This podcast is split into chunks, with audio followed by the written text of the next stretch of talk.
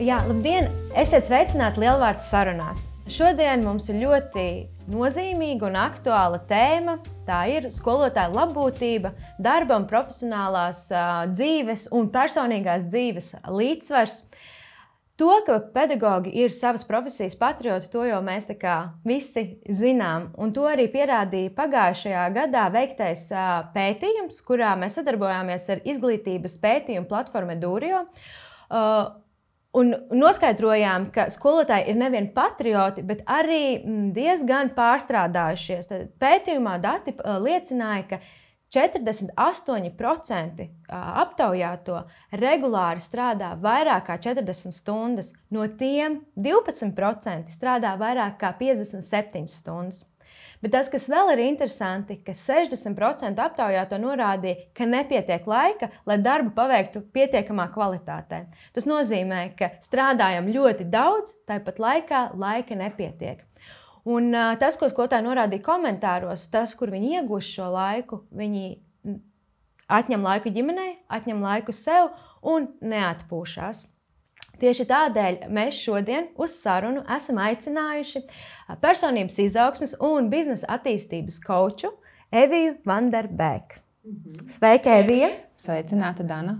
Jā, un Evija. Uh, es varētu stāstīt garu un plašu pieredzi, bet tas, kas ir svarīgākais mūsu, mūsu šodienas kontekstā, tad ir tieši uh, tēma par stresu darba vietā, izdegšana, par šo līdzsvaru. Tas ir arī tas, pie kā, pie kā šobrīd arī diezgan aktīvi tiek strādāts. Bet tas, kas ir arī svarīgi, ka ir arī uh, visai gara darba pieredze uh, korporatīvajā vidē arī starptautiski strādājot. Un, un tas, kas ir interesanti, ko es, ko es šodien uzzināju, izrādās arī ir pieredze strādājot skolā.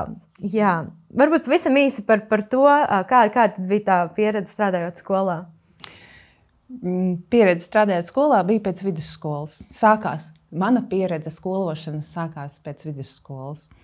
Bet jāiet drusciņus atpakaļ. Mm -hmm. Man bija kādi Es vienmēr domāju, nu, kā tās bērnības atmiņas nevar pateikt gadus, tāpēc es teikšu, kāda astoņi gadi. Un, un ir, ir tāda vīzija, ka es stāvu pie tāfeles, ir izsaukts pie tāfeles skolēns un raksta kaut ko, un iekšā domā, ah, es būšu skolotāja.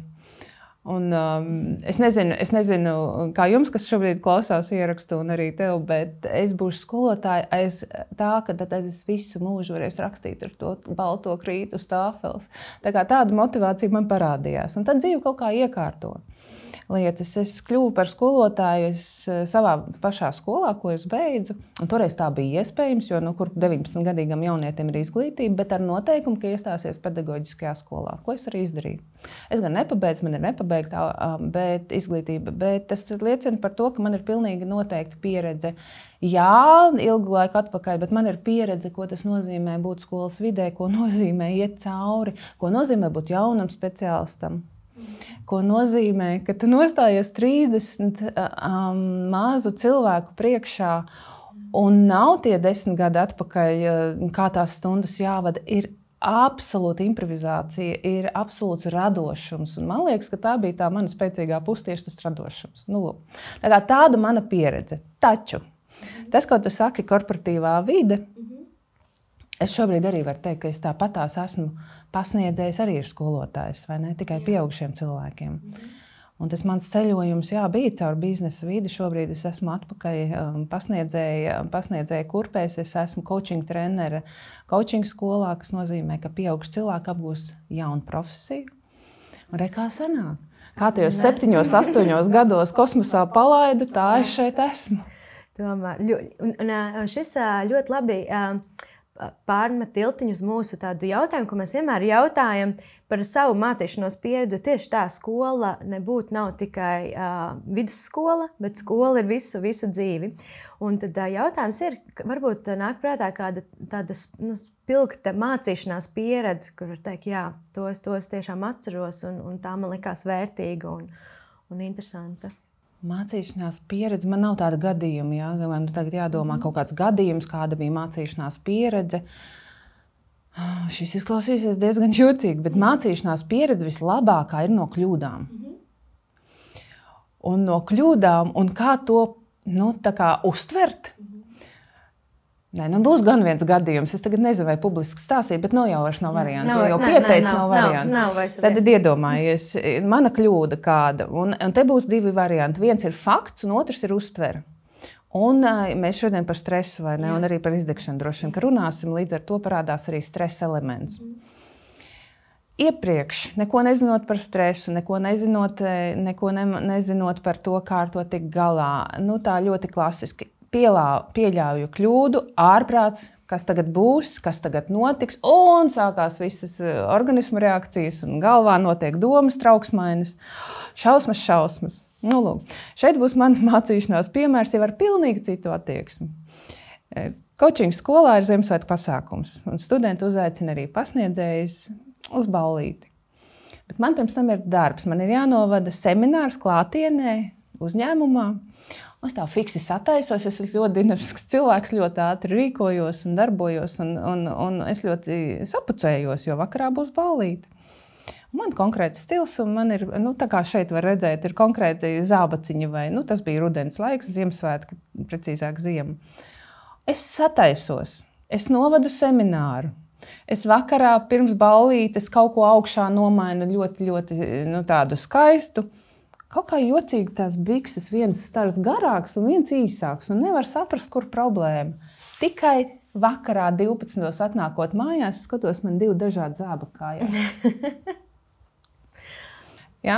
Nu, viņi ir ļoti līdzīgi stili. Jā. Man vienkārši tas ir mans stils. Viens labi, ka papēži vienādi. Tā tad ir pilnīgi līdzīgi stili. Viens materiāls, tikai vienam bišķiņš Jā. no mums augstāks, viens zemāks.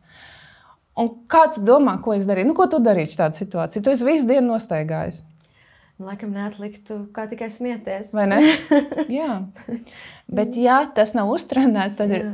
ārprāts, ko par mani padomās. Padomās. Es stāvēju publiski, nevi, viņi droši vien visi skatījās, tāpēc tur bija tās sejas, tā, saprat, Tā doma. kā no, jau pat, sākot jau no rīta, tad satika tos cilvēkus, tos vēl pa ielu gāja, vēl tur. Es arī šito stāstu, nu, re, ko arī jūs tagad zināsiet. Nu, Jā. Nu tā. Mācīšanās no kļūdām, un uh, tikai tā mēs varam iemācīties. Jo, ja mēs visu laiku perfekti kaut ko darām, tad mēs īstenībā paliekam vienā līmenī. Jā. Ja? Nu tā. Jā, un um, ja, perfekcionisms noteikti ir uh, viens no arī uh, iemesliem, kādēļ varbūt ātrāk uh, daži cilvēki izdeg. Bet kā, kā kopumā, kā mums iet, kā šobrīd pieredze diezgan liela strādājot ar dažādiem, dažādiem speciālistiem ne, vai profesiju pārstāvjiem. Kā mums iet ar uh, slodzēm, pārslodzēm, stresu darba vidē, um, izdegšanu? Varbūt ir bijusi iespēja arī strādāt ar pedagogiem. Vēl vakar. Vēl vakar. Vēl vakar strādāju ar pedagogiem. Vienā mm. projektā noslēdzās projekts, un uh, pedagogi viņi gan nestrādā ar maziem bērniem, viņi strādā jau ar jauniešiem. Es tā arī teicu, rītdien man būs saruna ar Danu. Podkāstā un par, runāsim uh, par to, kas notiek skolās ar skolotājiem, kā mēs varam viņus atbalstīt, ko varam darīt. Un, bet sāksim ar to, padalieties jūs. Es uzrunāju savu auditoriju, kas ir tie lielākie stresori, ko jūs varat saskatīt un ko jūs paši piedzīvojat. Man pirmā lieta vienmēr ienāca prātā, ka tas būs par naudu. Nē, pirmā lieta bija slodze. Slodze pa lielu, laika pa maz, slodze pa lielu. Un tu jau minēji vārdu pārstrādāšanās. Latviešu valodā pat tāds ir radīts. Es pat teiktu, ka tas ir varbūt sinonīms izdegšanai, par ko mēs kādreiz nezinājām. Bet vārds pārstrādāšanās es zinu arī no savas jaunības. Tāds bija. Tā tad redz, kur ir pārāk daudz darba, pārāk maz laika, rezultāts pārstrādāšanās un nauda jā, bija. Tad nāca algas jautājums. Tad bija birokrātiskas lietas. Skolotājiem ir jāveic kaut kādas lietas, ko viņi teica, man ir dubultā jātaisa, kam dēļ. Tiklīdz man parādās iekšējais jautājums, kam dēļ man šo darīt, tas jau ir jēgas jautājums. Un tas ir jautājums jau viens, nu, viens no izdegšanas tādiem punktiem, kas var parādīties, kam dēļ es daru to, ko es daru. Tas nav tikai skolotāja profesijā, tas ir jebkurā profesijā. Lūk, un vēl bija ļoti interesanti latviešu valodas lietošana skolas vidē. Un, uh, nu, tā kā redzat, ir dažādi, dažādi šie stresori. Bet pārsvarā tas arī tiešām ne tikai skolotāju vidē, arī korporatīvā vidē, jebkurā profesionālā jomā šobrīd dzirdu darbā pa daudz un laika pa maz. Ja? Varbūt uzreiz es, es varbūt aizmirsīšu sarunas laikā. Jā. Es uzreiz pie ko Jā. darīt, jo laika Jā, pa maz arī. Jā, ļoti labi. Varam ļoti tā labi. darīt. Jā. Jo tad tu, tad tu man vedini atpakaļ, jā, Jā, jo jā. man ir ļoti daudz informācijas galvā, un tad es mēģinu kaut ko, lai nepalaistu. Šis garām. noteikti bija viens no, no jautājumiem, tad, kas skan, protams, prātā, tai, ko, nu, ko, ko darīt. Ko nu, darīt? Jā, jā. Nu, te nevarēšu pie katra punkta izstāstīt, mm -hmm. ko tieši skolotājiem darīt, bet pie laika pa maz pilnīgi noteikti ir vērts pārskatīt laika plānošanas iemaņas. Tiešām iemaņas. Kā es plānoju savu laiku? Es plānoju vispār savu laiku, sāksim ar to. Ir ļoti moderni šobrīd dažādi kalendāri e, digitālie. Es, es moderns vārds old school veidā, man ir, pie, man ir divi veidi kalendāri pašai. Pie, man vajag vizualizēt, man vienmēr visu vajag vizualizēt. Tā tad ir kalendārs, kur es visu kaut ko rakstu, un tad ir dienas plāns, kur es arī sarakstu lietas, kas man ir vajadzīgs, eh, kādas būs prioritātes. Un, un bieži man saka, jā, bet kā tad es varu zināt, kādas ir prioritātes? Te nāk palīdzīgā, tu jau minēji, ka es esmu arī kočs, esmu coaching treneris. Īstenībā es esmu labklājības kočs, kas nozīmē, ka es strādāju tieši ar šiem jautājumiem lielākā daļā. Un korporatīvā vidē vai jebkuram mm, mēs runājam, ir arī līderība, ir vārds, bet arī labbūtība un līderība var būt vienots, jo kā bez stresa vadīt cilvēkus. Jā. Ko dara skolotāji? Vada mazos cilvēkus, Jā, jā. un druskuļi lielākus. Un tad jau jauniešus, vai ne? Pati, patiesībā līderis savā klasē, nu, viņiem ka, katra stunda, tu vadi, vadi veselu grupu jaunu cilvēku. Un tad kā to, jā, kā to vadīšanu darīt, lai es būtu nu, bez stresa, vai mm. lai es varētu to pēc iespējas labākā un profesionālā veidā darīt? Atgriežamies pie plānošanas. Plānošanas. Jā, jo man liekas, ka tas, kas man palīdz, man arī man ir tieši tāpat. Man ir uh, vairāki kalendāri, mums ir arī ģimenē, kur mēs arī vienkārši visu uzrakstām. Manuprāt, tieši tā uzrakstīšana ir tā, kur tu vienkārši fiziski ieraugi. Vai tas ietilpst tajā, tajā dienā, vai tas, ko 20, tu esi plānojis? 24 stundas. Jā. Vairāk nav izdomāts. Jā, jā. bet Gribētos. Bet gribētos. Jā. Jā, sarakstam darba plānu ar roku vai, vai digitāli, bet tiešām, nu, ko es darīšu. Un kāda ir tās prioritātes noteikti? Un te būs viena metode, ko es izmantoju, kas nu, man ir palīdzoša, varbūt vēl kādam noder. Vienu dienu bija 17 darbi. Un sāksim ar to, ka es pati nosaku savu darba ritmu, savu darba saturu. Man ir savs uzņēmums, es vadu mācības, vadu treniņus, sesijas, un nu, tas ir tas mans darbs. Un redzu, ka arī sanāk tāds pedagoģisks vienā brīdī, vai ne? Mhm, Jā. Izņemot individuālas sesijas, supervīzijas un coaching vai Kas grupās. arī faktiski mums skolā arī konsultācijas, bieži vien individuāls darbs atbalstot uh, individuālajā izaugsmē. Jā. Jā. Mhm. Nu, lūk, sakārtoju 17 lietas, ieraugu un domāju, nu, tā ir 24 stundas, 17 lietas. Mm -mm. Bet pati sev to saražoju, vai ne? Ko darīt? Kas man ir prioritāte un kā to noteikt? Mēs coachingā strādājam tādu mēra instrumentu no 1 līdz 10.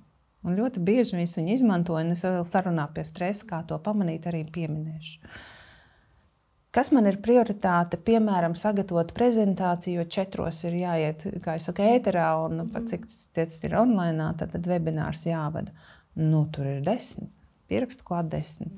Tālāk, nu, atzvanīt vai piezvanīt kādam, cik tas ir prioritāte, īstenībā seši.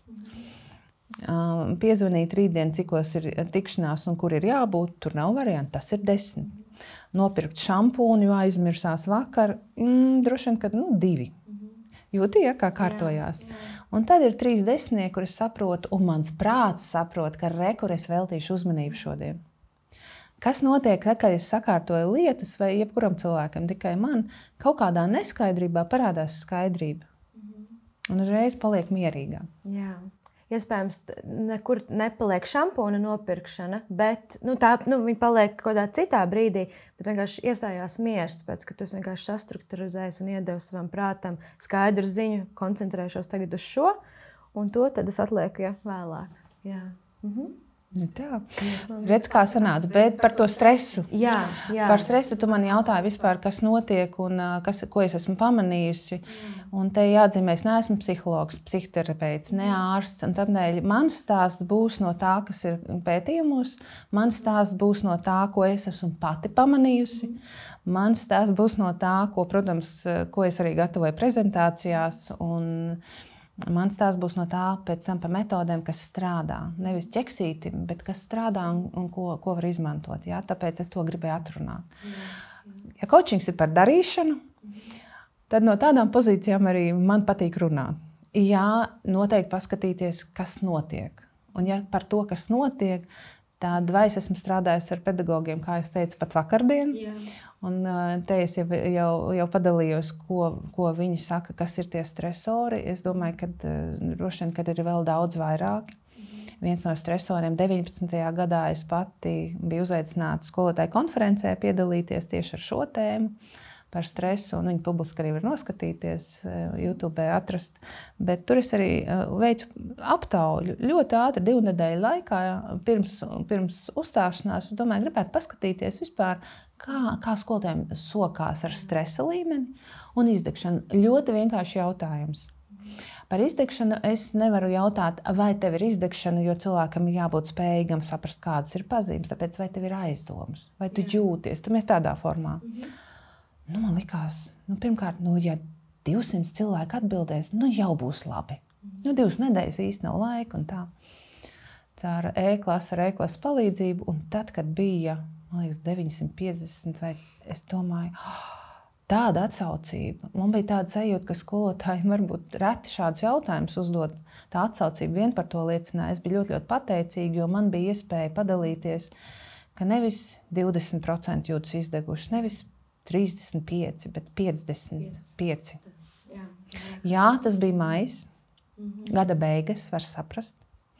Stresa līmenis bija 40 pāri un visu laiku jūtas stresā. Mhm. Klaut, tas ir pirms pandēmijas, tas ir pirms Ukrainas, tas ir pirms šīs ekonomiskās krīzes, ko mēs tagad gaidām un sagaidām jā, dēļ visām izmaksām. Tad katrs otrais faktiski jūtas stresā un pārslogā. Mhm tas nav tikai skolotājs, bet uh, ir, arī, nu, ir arī uzņēmumi šobrīd aizvien vairāk par to runā, jo parasti izdegšana saistās. Parunāsim druskuļi par izdegšanu, no, no, no kurienes kājas augam, tā teikt, jā, vienkārši jā. runājot. Mm -hmm. Izdegšana saistās un sākotnēji tika uzskatīta, ka viņi ir tikai palīdzošās profesijās, un pārsvarā tā arī taisnība. Jā. Palīdzošās profesijas tie ir sociālai darbinieki, tie ir ārsti, medicīnas personāls, tie ir skolotāji, tad pedagogi. Ko mēs redzam, tie ir cilvēki, kas strādā ar cilvēkiem, komunicē. Tad ir kaut kāda, ir visu laiku darbs, un kas notiek vēl, tā ir arī atbildība. Ārsts tomēr ir atbildīgs par to pacientu. Skolotājs nu, ir atbildīgs par to bērnu vai skolnieku, ko viņš māca. Un tagad mēs saprotam, ka tas ir arī darbā, tas ir vadītājiem, arī biznesa vidē. Uh, Un, ja izdegšana saistās ar profesionālo stresu vai ilgstošu stresu, kas nav atbilstoši pārvaldīts, tad ielaists mēs varētu teikt. Stress, mhm. ilgstošs stress, profesionālais, tātad darbā un izdegšana kā jau rezultāts. Lūk, tāda ir tā ķēdīte. Un tagad es pajautāšu, kā tev šķiet, kur var vēl noķert, lai nenonāktu līdz izdegšanai?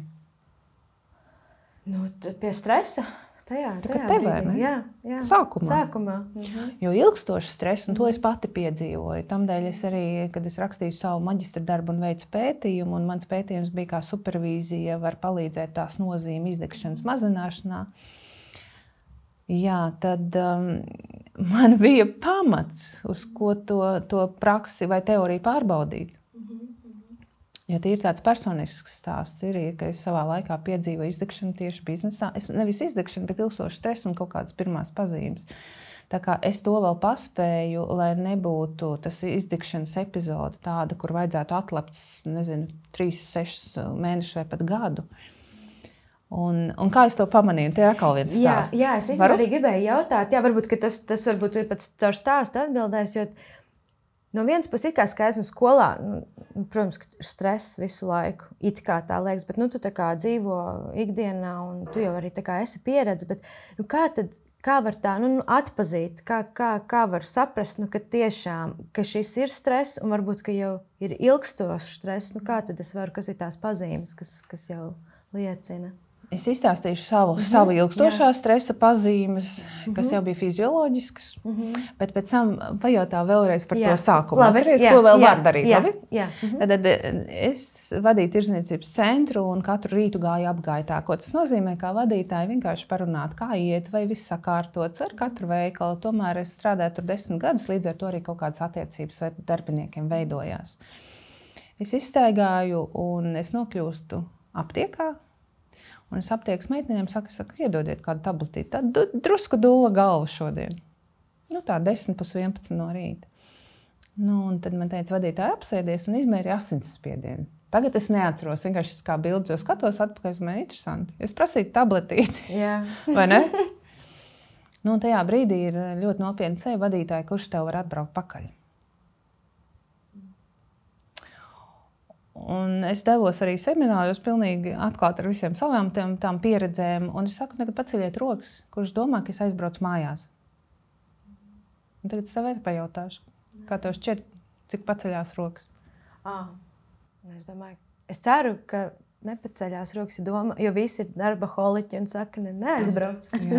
un redz, kas ir no vienas puses. Es ceru, tāpēc, ka darba holiķi no otras puses. Jā, nu, cik žēl, cik žēl jā, nepaceļās jā. rokas. Un arī es neaizbraucu mājās, un es tomēr dabūju to tabletīti, tāpēc, kad ir mītiņi, tāpēc, ka tuliņi zvanīs, tāpēc, kad ir tikšanās, tāpēc, ka tāpēc, un es jau kaut kad Un tad, kad es jau kaut kādas eh, nesadzirdu šos, tas, nu, šos signālus, tad ir jau tāda fizioloģiski ķermenī ir kaut kādas pārmaiņas, izmaiņas. Tas ir vai nu sākās miega traucējumi, un tagad par to fizioloģiju mēs parunājam. Tu jautāji, kādas pazīmes.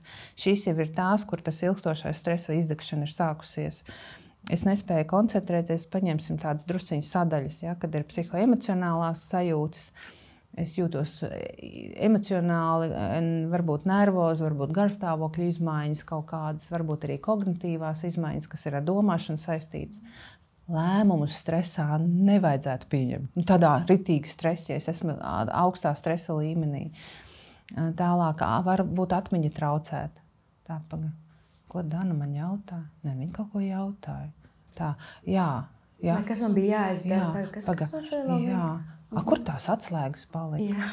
Pagaidi, es aizslēdzu durvis. Un ir cilvēkam šis ir tipisks, un tur jau cits stāsts ir. Bet tas man nav tipiski. Un uz šo es veicinu, padomāt un pavērot sevi. Šis man ir tipisks, man tas ir visu mūžu bijis, tā kā nekas jauns. Bet es vienmēr labi guļu. Man nav miega traucējumi, man nav problēmas pieņemt lēmumus un izsvērt. Tagad es, nu, īpaši, ja tie ir vadītāji, un arī skolotājiem, nu, manuprāt, ir kaut kādas lietas, kur ātri jāpieņem lēmumi, kaut kāds notikums vai, vai kaut kas atgadās. Jā, tev ir ļoti ātri jārēģē. Nu, Tad ir kaut... katru starpbrīdi. vai ne? Un kognitīviem procesiem ir jābūt nu, diezgan atpūtušiem. Prātam jābūt tādam, kas var to izdarīt. Tad, nu, jā, un pēc tam jau sākās gan muskuļu sāpes, sirdsdarbība, tādi pārsitieni kādreiz var būt. Man tāda novērojuma ir, ka sievietēm pārsvarā galva sāp. Un vīriešiem kaut kas ar gremošanu vairāk, bet tas var būt ļoti, ļoti individuāli. Ja? Tad, tad varbūt arī iedzimtības kaut kādas lietas, bet šis nāk kaut kas klāt. Un tādēļ ir jādodas pie ārsta, nevis jādomā, kad šis pāries. Jā, tad uh, galvas sāpes uh, ne, neremdināt ar ibumetīnu vai kādām citām pretsāpju lietām. Mēs te nereklamējam nevienas zāles. Jā, nu, nē, nē, bet nu, jā, pirmā, kas nezinu, kādas citas vēl ir pretsāpju. Lai kā nebūtu. Bet, jā, bet pretsāpju zāles, protams. Tas nav risinājums. Nu, nu, akurāti. Tas ir, ir risinājums, Dana, īstermiņa risinājums, kuras tā arī saprotu. Piemēram, man šobrīd ir jāstāv klases priekšā un es noģīpšies, viņu neizdzeršu to zāli, bet rītdien es dodos pie ārsta. Ja, redzi, īstermiņa risinājums. Un atkal, kas parādās, es pamanu, un te ir reko jau mēs par, še, par savu pirmo sadaļu par stresu. Atceries, jā, jā, ko jā, tu teici, jā, jā. ka mhm. šeit var vēl kaut ko jā. darīt. Es, es man atkal, jā, man atkal ir daudz jautājumu, jo man paralēli, vienkārši pateikšu, lai mēs abas neaizmirstam, kurā brīdī vēl var darīt, bet tam man paralēli uzreiz nāca prātā domas, ka, uh, Es pieņemu, ka daudzi pedagogi jau ilgu laiku sadzīvo to, ka tur nevar izgulēties, ka vai lietas aizmirst, vai sāp galva. Ka tas jau pat vairs nav tā, ka tu vari pateikt, vai tas man ir tipiski vai nē. Nu, Hroniski. Jā, jā hron, Jo jau ir hronisks jau ir hroniski, jā, kad, kad tas ir tas, kas varbūt jau ir atkal tas, jau tas nākamais solis, bet jā, mēs varam arī pakāpties vēl atpakaļ. Es ceru, ka liela daļa vēl var noķert un ka vēl ir tajā sākuma stresa uh, posmā. Zinām, tad tā arī varbūt atkal iesim pa, Jā. pa, pa, pa trepītei. Jā. Tagad parunāsim par to stresu, vai es reizēm saku stresiņu, Stresiņu. un foršo stresiņu, un nevaru sagaidīt, kad viņš Jā. atnāks ciemos. Tad būs tas ilgstošais, un tad būs izdegšana. Kā pamanīt, kad ir stress? Pirmkārt, ir kaut kādas organismu reakcijas. Es padalīšos ar vienu tā atkal savu stāstu, kur sapratīsim pēc tīri tādām organismu reakcijām. Un, un situācija bija. Situācija bija, es braucu pie stūres un gandrīz avārijas situācija. Tas nozīmē, ka es braucu taisni pie zaļās gaismas, regulāri es braucu pa šo maršrutu. Līdz ar to jau ir kaut kāds nu, tāds pilnīgi ier- ieraduma, ieradums, tāpēc ka nav, nav varbūt jāsatraucās. Un es redzu, ka pāri sarkanai gaismai man traucās kaut kāda mašīna, neievērojot, ka viņiem tur jābremzē. Un izvairījos šādā veidā no sadursmes.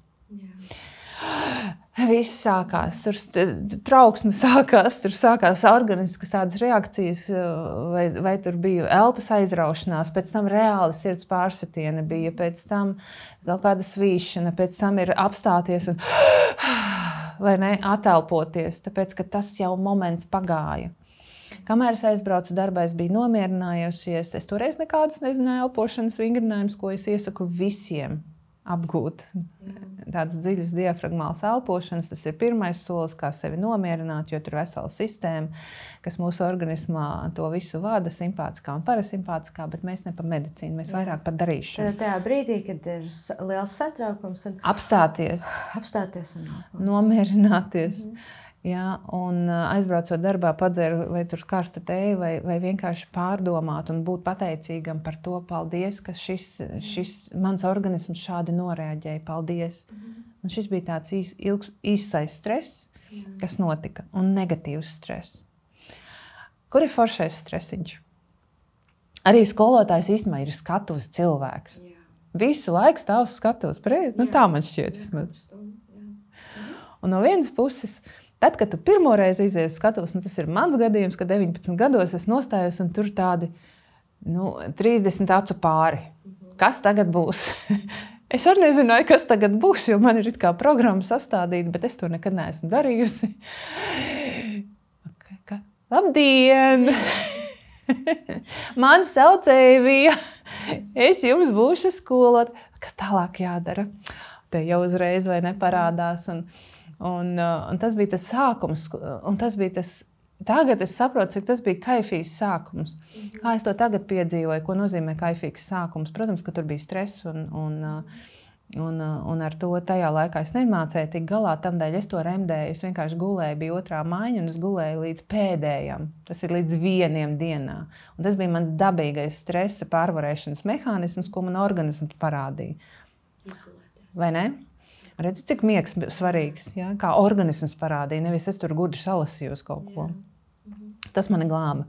Tāpēc no šīs epizodes paņemam, miegs ir mega, mega svarīgs. Par foršo stresiņu, kas tomēr kāds var uztvert, ka tas nav foršs stress, bet es viņu pasniedzu par to skatu, runājot. Es arī neesmu ne aktrise, neesmu netrenēta to darīt. Tā nav mana profesija. Bet vienā brīdī es sapratu, ka man nav variantu, un man gribas nodot tālāk cilvēkiem informāciju, lai viņi nenokļūst tur, kur es tev tikko aprakstīju, kas notika manā darba vietā. Papildus apgūstot zināšanas, iegūstot jaunu profesiju, daloties ar informāciju. Nu, lūk, kā to var izdarīt? Nu, publiski, kāpjot uz skatuves, to darot. Mm, Tas pats piemērs ar VF kultūras, kultūras namu, kur jākāp uz lielas skatuves, kur mani slaidi ir milzīgi, lielāki, nezinu, trīs reizes nekā mans augums. Un ir gaismas, un mikrofons, un, un, un laika ierobežojums, un tik daudz skolotāju. Man, es tik ļoti empātiski nu, savienojos ar viņiem, jo es zinu, kā tas ir tur skolā būt, un īpaši šajā, es teiktu, nervozajā laikmetā. Nu, lūk, Un iekšēji tieši tās pašas reakcijas. Ārprāts, un kā būs? Un ja es sajaucu, un ja es ne to, un ja nu šito. Un es visu tā arī izdarīju. Es nebiju gaismas pārbaudījis, bet man ir gaismas jutīgas acis, un prožektori nāk virsū, un es nespēju vispār pat koncentrēties, jo es neko neredzu. Es meklēju vietu, un sa sadzirdēju, kā tas viss notiek. Ārprāts, un tāds milzīgs stress. Kā ir tagad? ar nu, jau citu attieksmi. Es uzkāpšu tās skatos, un būs baigi kaifīgi, jo es nezinu, kā būs. Tas stress man ir sa patīkams satraukums, tāpēc, ka es pamainīju attieksmi, domāšanas veidu par to, kas tas stress ir un, un ko viņš mūsu organismam nevis nodara, bet ko palīdz darīt. Īstenībā īslaicīgs stress mums ir nepieciešams. Stresa reakcija bija radīta savā laikā, lai mēs izdzīvotu. Jā. Ļoti senā laikā. Ļoti senā laikā jā, kad mums bija jābēg prom no lauvām.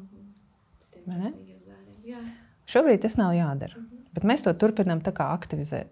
Un šobrīd tas, tas pozitīvais stress ir nostāties klases priekšā, Ko es šodien varētu jaunu izdomāt? Vai es arī, piemēram, kā skolotāja vakardien, nu, skatījos kaut ko, jo man patīk attīstīties savā profesijā, skatījos jaunās digitālās platformas, ieraudzīju kādu jaunu foršu metodi. Un šodien es klases priekšā gribu to izmantot. Es gribu izmēģināt, un es nezinu, vai bērniem tas patiks. Es nezinu, varbūt, ja es jauniešus mācu, vai viņiem tas nu, aizraus. Bet es pamēģināšu. Mm -hmm. Tad tas pozitīvais stress ir tādām, vairāk tā pirms tādām jaunām lietām, kur tu kaut ko, nu jā, kur ir liela neziņa un tā tāds gan satraukums, gan bailes pie reizes. Nezinu, arī skolotājiem uzstāties citu skolotāju priekšā, jo, jo varbūt klasē jau mēs esam pieraduši, bet jau, jau vai nu saviem kolēģiem, vai nu kādā lielākā konferencē, vai Nezinu, kādu pasākumu. Ar vecākiem runāt. Ar vecākiem. Vecāku sapulces, jā, jā, kur mēs jā. nekad nezinām, kādi jā, jautājumi nāks priekšā. Jā, jā, jā tas ir ļoti satraucoši vienmēr. jā, tad, tad tas ir tas, kā, tas, varētu teikt, arī pozitīvais stress. Jā, es ar tādu attieksmi tur stāvu priekšā. Jā. À, tad attieksme būs tā, kas vai nu pārvērtīs to pozitīvā stresā, kas man īstenībā palīdz mobilizēties. Mm -hmm. Un, ja man būs atkal nu, tā vairāk tāda negatīva attieksme, kurš tad iestājās, tad iestājās tie individuālo stresori Jā. vai personības izraisīti stresori, kā es viņus nodēvēju. Ak, Dievs, kā būs? Un paskaties, kā viņi skatās. Un es varbūt tagad nepareizi pateicu. Man liekas, ka mācību daļa jau skatās uz mani tā aizdomīgi. Un tuliņās vecāku sapulce. Un tur Jāņa vecāki jau man teica, ka viņi sapulcē uzstāsies un pie, prasīja jau desmit minūtes laika. Sadzirdēja, kas notiek? Jā. Tad, tad ir viens ātrais risinājums, tad elpošana. Ja mēs par izcinājumiem jā. jā.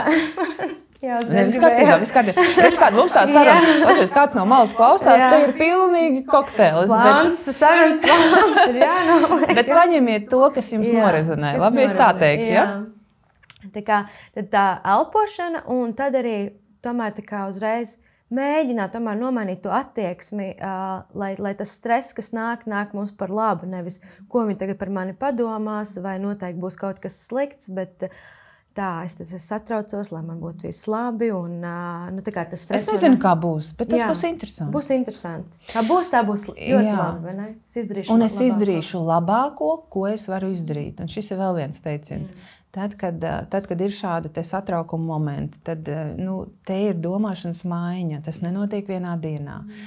Tas, tas liecina par to, ka pie tā ir jāpiestrādā. Tas liecina, ka sev ir jāpavēro. Un mēs joprojām tajā pirmajā daļā, kā to pamanīt.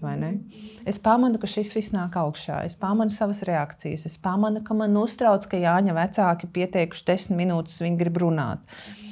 Tad, ko, ko es varu darīt? Tiešām tāda dziļa elpošana, vienkārši nomierināt organismu, lai uh, viņš nomierinās un nepalaiž tos visus stresa, uh, stresa jau mehānismus. Absolūti elementāri paskatieties, jebkurā YouTube kanālā atradīsiet dziļu elpošanu. Tas nozīmē, ka mēs elpojam ar vēdru. Protams, ka vislabāk to mēģināt sākumā darīt guļus, jo neticēs, bet ir cilvēki, kad mēs to praktizējam, saka, kā man galva noreiba. Mēs elpojam ļoti sekli visu laiku tas laikmets tiešām tāds arī ir, un mēs arī telpojam. Un tad tā dziļā elpošanas kābeklis piepūst smadzenēm, un uh, tas ir tāds nomierināšanas, nomierināšanas mehānisms, ko jātrenē. Man nav laika. Es saku, trīs minūtes dienā var. Nu, tad pagodīgo tiešām. Jā. Tā tad veselība nav vērtība. Nu, tā jāsacina. Piecas minūtes vai ir vēl kaut kādas metodas. Tad paņemsim to elpošanu. Tā, tā ir viena lieta. Otra lieta, kas ir sliktākais, kas var notikt. Jā. Mhm. Redziet, atkal te ir tāda kognitīva procesa vai domāšanas. Sev uzdot jautājumu iekšēji, kas ir sliktākais, kas var notikt. Nu, es novadīšu sapulci, vecāku sapulci, nu, ne jau pirmo reizi daru. Nu, interesanti, ko tas Jāņa mamma gribētu man te teikt. Nu, paskatīsimies. Kas, ja tur kaut kas nebūs patīkams, ko es darīšu? Nu, mums ir kolēģi. Kas ir mans atbalsta mehānisms? Trešais punkts. Ja nu galīgi es sabīstos, ar ko es varu runāt? Vai es varu iet pie mācību daļas, vai es varu iet pie kolēģa, vai es varu pajautāt padomu. Man liekas, ka šis ir ļoti, ļoti labs ieteikums un tiešām būtu izmantojams, ja ir satraucoša saruna ar, ar, ar vecāku, paaicināt kādu kolēģi kā atbalstu, kas varbūt var palīdzēt vai pierakstīt, teiksim, ko mēs esam vienojušies, vai, vai pavirzīt to sarunu. Uh, Varbūt būt pat liecinieks sarunā. Jā, jā. Nu, piemēram, jā, jo reizēm ir tā, nē, jūs tā neteicāt, nu, es tā teicu. Jā. Jo tā var gadīties. Jo abas puses ir emocijās, tieši precīzi, abām jā, pusēm ir satraukumi. Nu, jā, piemēram. Mm -hmm. Tamdēļ, tamdēļ ir, ir kāds, kas ir kā partneris līdzi. Jā, vārds partneris, motivācijas partneri ir vēl viena lieta, ko tad, kad, tad, kad es saprotu, ka man ir stress, nu jau iet uz to ilgstošo stresu, mm, tad ir nu, ļoti labi, ja man ir kāds partneris, ar ko es varu runāt. Jā, mums ir draudzenes, jā, mums ir draugi. Bet vēl ir cilvēks, ar ko, piemēram, kas ir motivācijas partneris, padalīšos. Tad, kad ir ilgstošs stress, es esmu to pamanījusi, sapratusi, pazīmes. Mēs jau tur pietiekoši esam izrunājuši. Es saprotu, ka man kaut kas ir jādara. Un kā to darīt? Ir vienkārši meklēt informāciju, kas šobrīd notiek ar mani, ko es varu darīt. Uh, kādas ir pazīmes. Es jūtu, ka nav labi. Un te būs ļoti, ļoti, nu, kā lai pasakā, tāds nērts jautājums. Ko es esmu gatava vai gatavs mainīt? Pa godīgo neko. Man nav resursu, man nav spēka, neko es negribu mainīt, vai arī es tālāk šitā dzīvot negribu. Zinu, ko man cilvēki teikuši? Nevis, ka tur veselības problēmas tā ir viena lieta, otra mentāli saprast, nu, kā ar mani inteliģentu cilvēku kaut kas nav kārtībā. Un uh, atbilde ir, ka uh, atbilde ir, ka doma pazud, redzi? Tik daudz informācijas galvā, man pašai doma pazūd. Bet atbilde ir tāda, ka es saprotu, ka es vai nu gribu kaut ko mainīt, un tad es sāku darīt. Un tas prasa spēku, un tādēļ tas motivācijas partneris ir ļoti noderīgs tad, kad es esmu izdomājis, ko es darīšu. Es veltīšu sev 15 minūtes dienā. Nav vairs variantu, ka es nevaru veltīt savu laiku, iziet ārā, pastaigāties, jo savādāk būs tā, ka es no rīta nevarēšu piecelties, lai aizietu uz darbu. Nu, tas motivācijas partneris ir tāds, kurš tā kā pārjautā, vai tu esi izdarījis tās 15 minūtes, ko tu apņēmies. Ja? Nu, vai tā ir tā doma? Vēl labāk. Vēl labāk. ja Mēs, kopā, ja? nu, Dana, varam man tevi jā, izspēlēt jā. lomas, piemēram. Jā, jā. Nu, piemēram, man kā kočam, man kā kočam ir ļoti, ļoti mm, izaicinājums neievilkt tajā coaching sadaļā, jo mums nav saruna par coaching, bet eh, es tomēr gribu pieminēt. Jā. Ir reizēm grūti pašam saprast, ko darīt. Jā. Tādēļ noder cilvēks, ar ko runājoties, manī skaļi dzirdot, ko es runāju, un es dzirdu, ko tu runā. Manī rodas lielāka skaidrība un sapratne. Piemēram, es saprotu, ka es gribu 15 minūtes dienā iet pastaigāties, jo es sev neveltu laiku. Un es ar tevi to izrunāju. Un Jā. tu, Dana, saki, klausies, baigi forša ideja. Mēs vienā skolā strādājam, sarunājam, ka tajā, tajā brīdī vienkārši apējam ēkai apkārt. Jā. Daram to kopā. Mhm. Redzi? Jā, jā, jā. Otra lieta ir, mēs apņemamies abas, ka vingrosim mājās no rītiem, nu vismaz tos septiņas minūtes taipīšanās vingrinājumus. To apņemies, es apņemos abas divas, un rekur rodas jau tā atvesļošanās programma. Mhm. Mēs apņemamies, ka elposim 5 minūtes dienā, abas divas izrunājam, kā tev tur tev tas vēders, cik pūtās. Nu, tā ritīgi pūtās. Es tur paskatījos video, tur plecs kaut kā nedrīkst cilāties. Man vēl cilāja. Tu saki, tu zini, kā es pamēģināju. Es tad, kad es stundā sēžu, kamēr tie bērni raksta, es reāli salieku kājas, nolieku tā mierīgi, un es tikai elpoju. Neviens jau neko neredz, ka es tur elpoju. Un tik mierīgi palika. Tu saki, es neiedomājos, oh, cik forši. Mm -hmm. Ja, un šādā veidā rodas cilvēks, ar ko mēs varam, nu, tā kā, mm, kā tenisa mačā ir partneris. Un te arī ir tāds, un tas ļoti, ļoti palīdz, īpaši, ja man ir jau tā, jau tā visa kā pa daudz. Jā.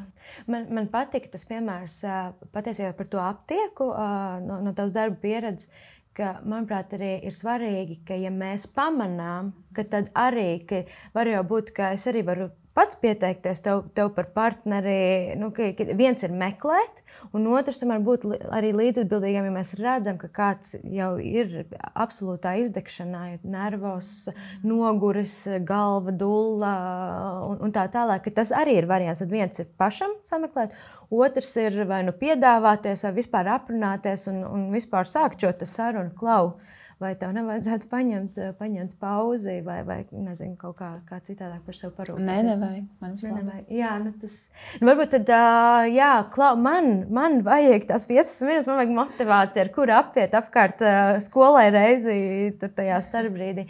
Nē, nu tas ir, es īstenībā gribēju, viens jautājums gan man, man noteikti gribas izrunāt. Nu, nē, nē, kāpēc, nu kā? Taču varam turpināt, kas notiks. Nu, labi, būšu vairāk sagurus. Kā, kāpēc jārisina izdegšana? Mm -hmm. Pārslodzi. Kāpēc jārisina izdegšana? Ja 55% 19. gadā ir atbildējuši skolotāji, kā jūtas izdeguši. Jā, 48%. Nu, tas ir mans šī februāra aptauja. Ļoti fiksa Facebook aptauja, bet arī 300 cilvēku pietiekoši, lai mēs saprastu, ka tas tomēr ņemam vērā cipari 48% no tādas publikas vai, vai uh, sabiedrības daļas jūtas izdeguši. Viens, divi. Nu, tas ir piedod, Jana. Viens, Dana. Viens, divi. Jā. Ja? Viens, divi. Jā.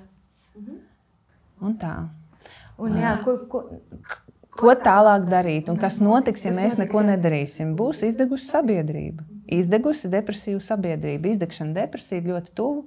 Tādēļ jādodas pie ārsta gan ar vienu, gan ar otru. Jā, var noskatīties dažādas webinārus, kā šo, šo vai intervijas dažādas, un ārstus paklausīties. Ir publiska informācija pieejama. Mums vairs nav tiesības pateikt, kad es nezināju. Šis izklausās skarbi, bet mums nav tiesības pateikt, ka es nezināju, kas ir izdegšana. Jā. Vai es drīkstu izdedzis cilvēks tādā ilgtermiņā vadīt citus cilvēkus? Tāds, jā, nu, tikai, tu pacēli ļoti sāpīgu tēmu. Tagad, ja ir 50% skolotāji jūtas izdeguši, atkal jūtas. Tad ir jā, jā, jākonstatē, kā, kurš jūtas vienkārši tāpēc, ka ir piekusis. Mm -hmm. nu, man liekas, ka es esmu izdegusi. Jā. Bet varbūt, ka pajautājot to, piemēram, nu, garās vasaras brīvdienas, atvaļinājums, nu, kad, kad pajautāsim jūlijas, nu, jā, tā ir pēc jāņem vēl ne augusta sākuma. August sākuma pajautāsim.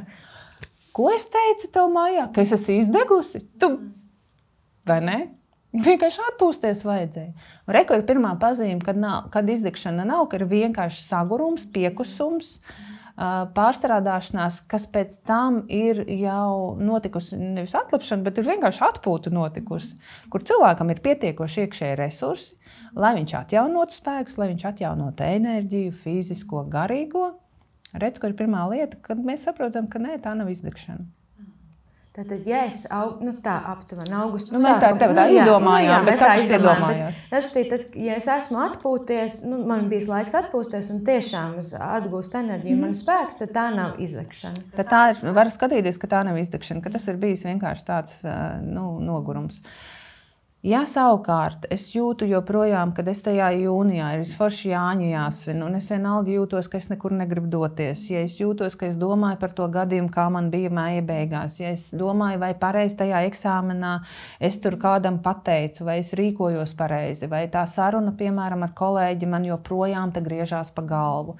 Ja mans darbs mani, es teikšu ļoti vienkārši, un latviešu skolotāji piedodiet, ja mans darbs es jūtu, ka mani besī ja es jūtu, ka es netieku galā un man pat negribas iedomāties, ka tūlīņās būs jāiet augusta beigās klasi kārtot, vēl ir remonti jārektē, vēl ir jādomā par programmu, vēl ir jādomā, vai kāda man būs alga, un es vispār negribu doties uz darbu. Un tad tās ir tās pirmās pazīmes, jo izdegšana ir tāda bez gariem sarakstiem. Tāda iztukšotības sajūta iekšēji, Un nevis, ka, kā jau teicu, cilvēki nevis negrib, lūdzu, saprotiet, izdedzis cilvēks, nevis, ka viņš ir slikts cilvēks, nevis, ka viņš negrib izdarīt lietas. Tas skolotājs ir varbūt visu savu mūžu veltījis, un nu viņš vairs nespēja. Ir beigušies resursi.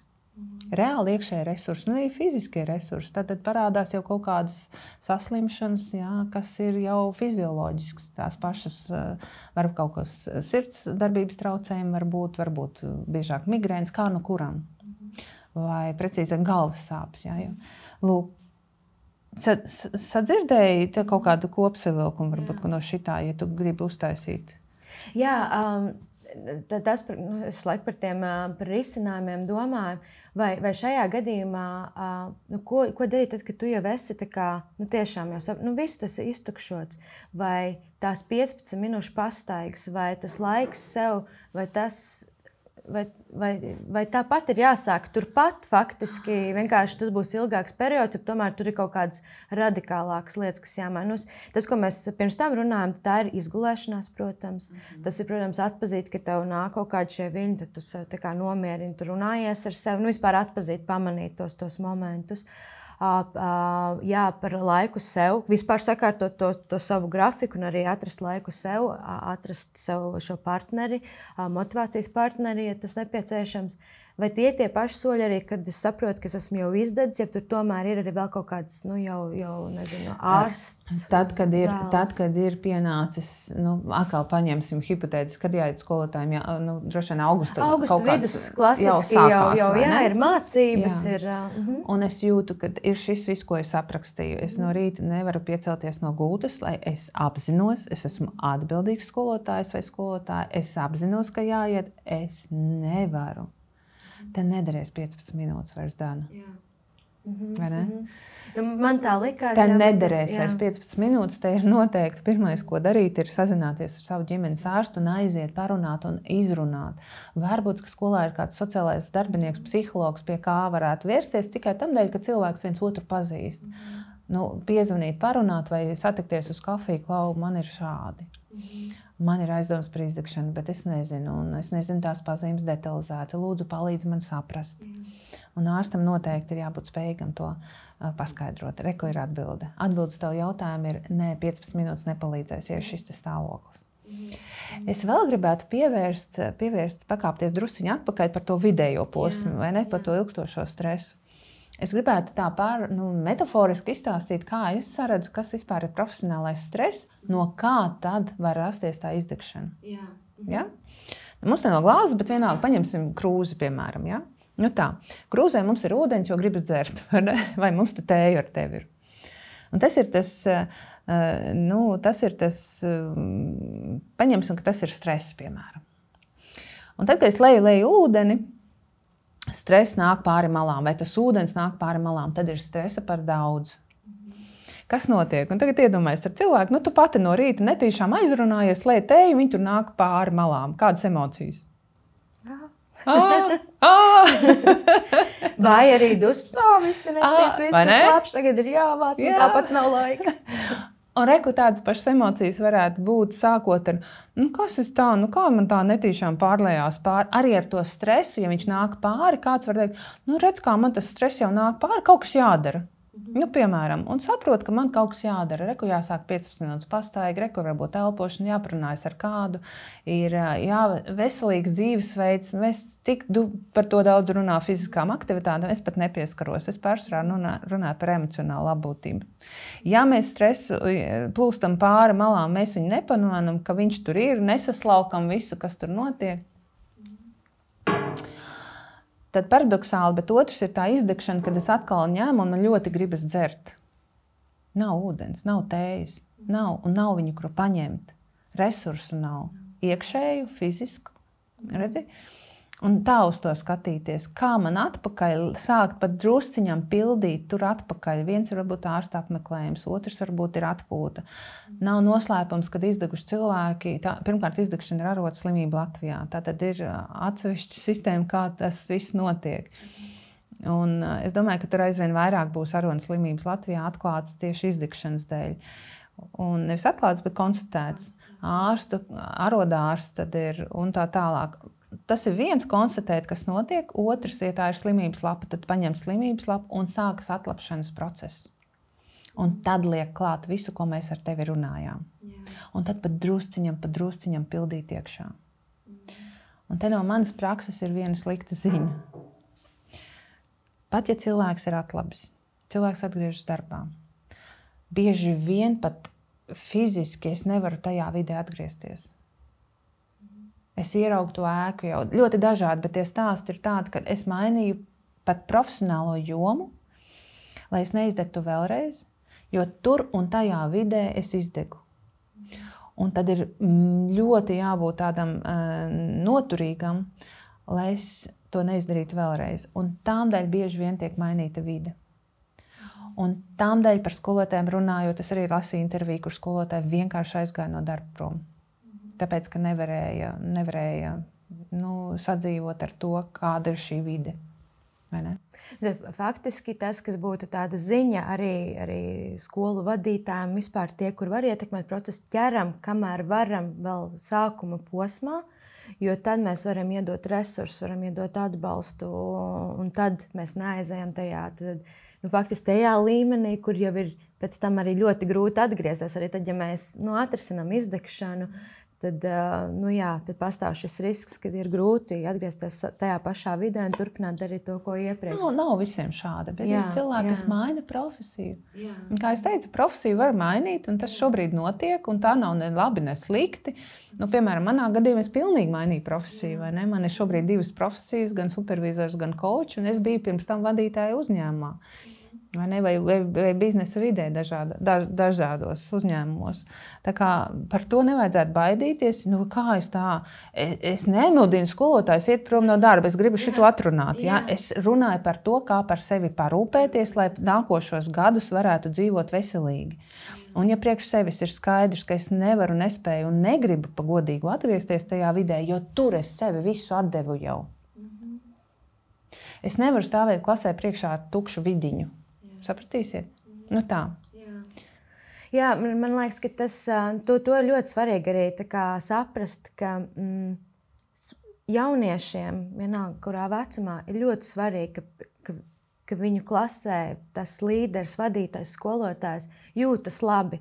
Un bieži vien nav jau arī stāsts, vai es tur pareizi iedevu uzdevumu vai pareizā laikā, un mēs esam cilvēki, un, un tās kļūdīšanās, kā mēs iesākām arī to stāstu ka, ka, ka tas, tas, ir, tas ir tikai, tikai normāli, bet ir svarīgi parūpēties par to, lai tu nākot klasē jūties priecīgs, apmierināts. Man bija vakardien ļoti nu, jauks puisīts. Viņš, viņš man pienāca klāt un teica, Dana, Tad, kad tu pirmajā reizē atnāci uz nodarbību, tu biji tāda priecīgāka. Tagad tu esi bēdīgāka, vai kaut kas ir noticis. Oh, un atnesa trīs konfektītes. Man liekas, viņi pamana, viņi pamana, un viņiem ir svarīgi, viņi redz to, no, to nogurumu. Un es viņam teicu, jā, nu, man ļoti daudz darba. Viņi teica, bet tu taču tikai nāc uz vienu nodarbību pie manis. un, un tas jau nav stāsts par to, bet tiešām viņi jūt, redz, un viņiem ir svarīgi. Tad, Es teiktu, ka viens no mūsu pamatpienākumiem ir ne tikai saplānot mācību procesu, bet arī parūpēties par savu labbūtību, jo ir svarīgi, ka mēs atnākam nu, un labi jūtamies tad, kad mēs, mēs, mēs mācām. Evī, paldies! Mums, es, es sapratu, ka es varētu jau vēl, jau, jā, es varētu vēl jautāt, un vēl, jo īpaši man patīk šie praktiskie, šīs mazās lietas, kas uzreiz nevien tā kā teorijā runāt par to, nu, kā būtu, ja būtu, bet ko tieši es varu savā ikdienā ieviest, lai sev, sev palīdzētu. Bet uh, mums laiks tiešām ir aizskrējis veizpārniem. Bet tomēr vēl vienu pēdējo jautājumu. Mēs, mēs vienmēr jautājam, nu, kas ir tā viena lieta? Nu, mēs daudz ko dzirdējām, bet ja tomēr tādu vienu lietu novēlētu um, vai ieteiktu darīt, lai Latvija patiesi būtu labākā vieta, kur mācīt un mācīties. Kas, kas tā būtu? Vai, vai, vai, vai, vai. Nu, šī tāda uz beigām dāvana, vai ne? Kur gribētos, kur gribētos padomāt, viena lieta, lai Latvija kopumā viss būtu, vai ne? Es tomēr atgriezīšos, atgriezīšos pie skolotāja kā cilvēka personības, kā vienuma. Ja?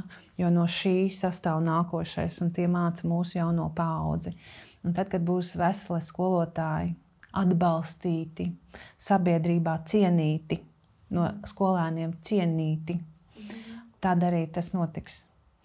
Un es noslēgumā tomēr pateikšu vienu pieredzi, kas nāk no Anglijas, kur e, šobrīd labākie rezultāti ir skolā. Labākie rezultāti tur e, ir skolā, kas ir ļoti atpakaļ, kā es piedzīvoju skolu, kur ir disciplīna, mm. kur ir skaidrība, kas notiks, kur ir at, nevis atņemti, bet labprātīgi atdoti telefoni uz pusgadu, Tā vietā tiek skola uh, nopirk, nopirkusi un par mazām naudiņām pārdod analogos vecos telefonus, lai vecāki var sazināties. Vecāki tam piekrīt, bērni tam piekrīt, un bērni ierauga, ka tas palīdz viņiem izaugt un pilni, izaugt, palīdz viņiem pilnībā veltīt sevi izaugsmēji.